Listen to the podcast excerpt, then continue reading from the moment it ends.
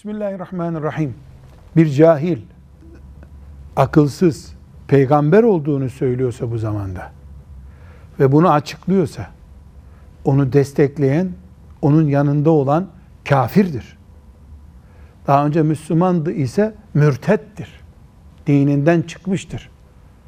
Ama peygamber olduğunu iddia eden sapık, gizliyor, saklıyor, dolambaçlı laflarla bunu söylüyor.